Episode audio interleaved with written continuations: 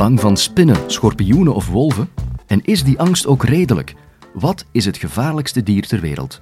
Dirk de Vroe geeft hier zo meteen het antwoord. En hij is geen bioloog, het is een arts. Dit is de Universiteit van Vlaanderen.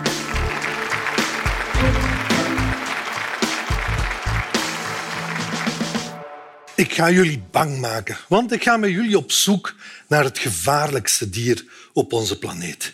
En als ik aan jullie zou vragen wat is nu het gevaarlijkste dier, dan zou ik horen olifanten, tijgers, leeuwen, slangen zijn jullie bang. Nee, het is een kleiner dier, een heel klein dier. Ik zal al een tipje van de sluier oplichten. Er zijn Nederlanders die een val gemaakt hebben voor dat gevaarlijkste dier. Een val waar geur uitkomt van Limburgse stinkkaas en zweetvoeten. Welk is dat gevaarlijkste dier nu? Als ik jullie vraag van welk dier zijn jullie bang dat in jullie huis zit, dan hoor ik ja, spinnen. Jullie zijn allemaal bang van spinnen. Zijn dat zo'n gevaarlijke dieren, spinnen? Kunnen spinnen bijten? Nee, in België kunnen spinnen niet bijten. Behalve twee exemplaren. Er zijn er wel twee die kunnen bijten. Dat is de grote oeverspin en de roodwitte celspin. Vooral die laatste heeft een vervelende beet, want je krijgt er zo twee gele vlekjes van en je wordt daar duizelig van. En je, ja, je, je voelt je daar niet goed van, maar je gaat niet sterven. Ja? Die gevaarlijke spinnen waarvan je kan sterven, die zitten in Brazilië. Bijvoorbeeld de Braziliaanse zwerfspin. Als je daardoor gestoken wordt, dan ga je maar beter meteen naar het ziekenhuis. Want daarvan kan je inderdaad sterven. Of de vioolspin. Die zit in Florida. Dat is ook zo'n vreselijk beestje. En een van de tien gevaarlijke spinnen op de hele wereld. Want er zijn veel meer spinnen dan dat. Nu, in België zitten ook wel gevaarlijke spinnen. Hè? De zwarte weduwe kunnen wij hier ook tegenkomen. Vervelende beet, maar niets aan de hand. Nu, als spinnen dan niet zo gevaarlijk zijn, welke dieren zijn dan wel gevaarlijk? Misschien andere spinachtige. Teken. Waarschijnlijk zijn er hier bij jullie veel mensen die al door teken gebeten zijn. Die vreselijke diertjes die zich met hun hoofd ingraven in je huid en dan je bloed uit je huid zuigen. En zodanig dat hun lichaam opzwelt. Maar belangrijk ook is dat die eigenlijk vieze beestjes borrelia in je huid inbrengen, waardoor dat je ziek kan worden.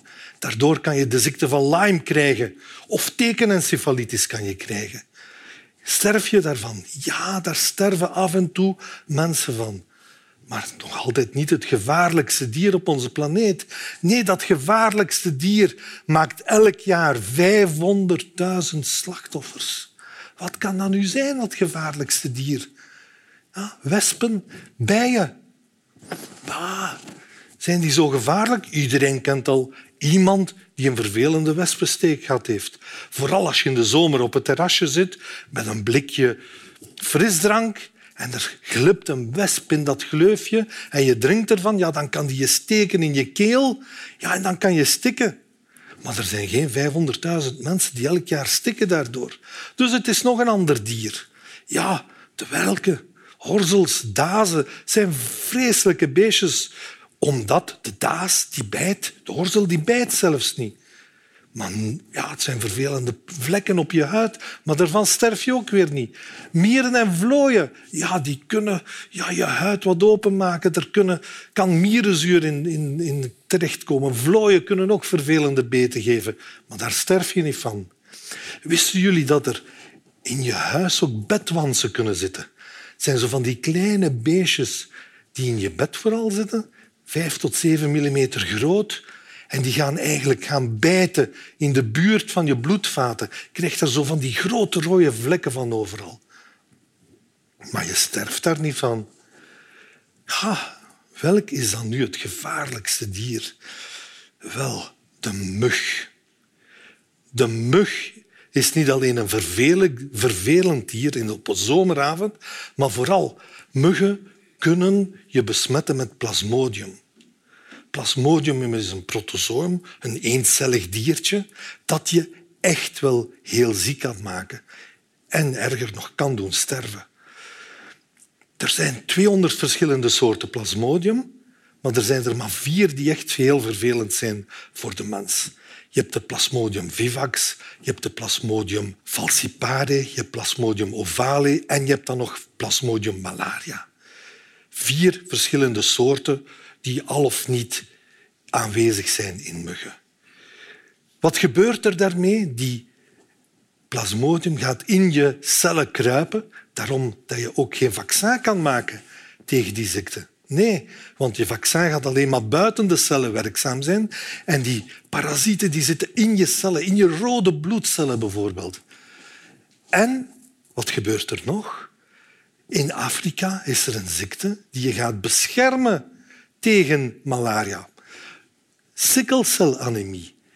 Niet als je de ziekte hebt, maar als je drager bent. Dat wil zeggen dat maar één van de twee chromosomen waar het kan op zitten aangetast is dan ben je drager, dan heb je de ziekte niet. Wel, dat gaat je beschermen tegen malaria. En daardoor, door de eeuwen heen, is het gekomen dat mensen die eigenlijk, vooral kinderen die drager zijn van sikkelcelanemie, niet zullen sterven.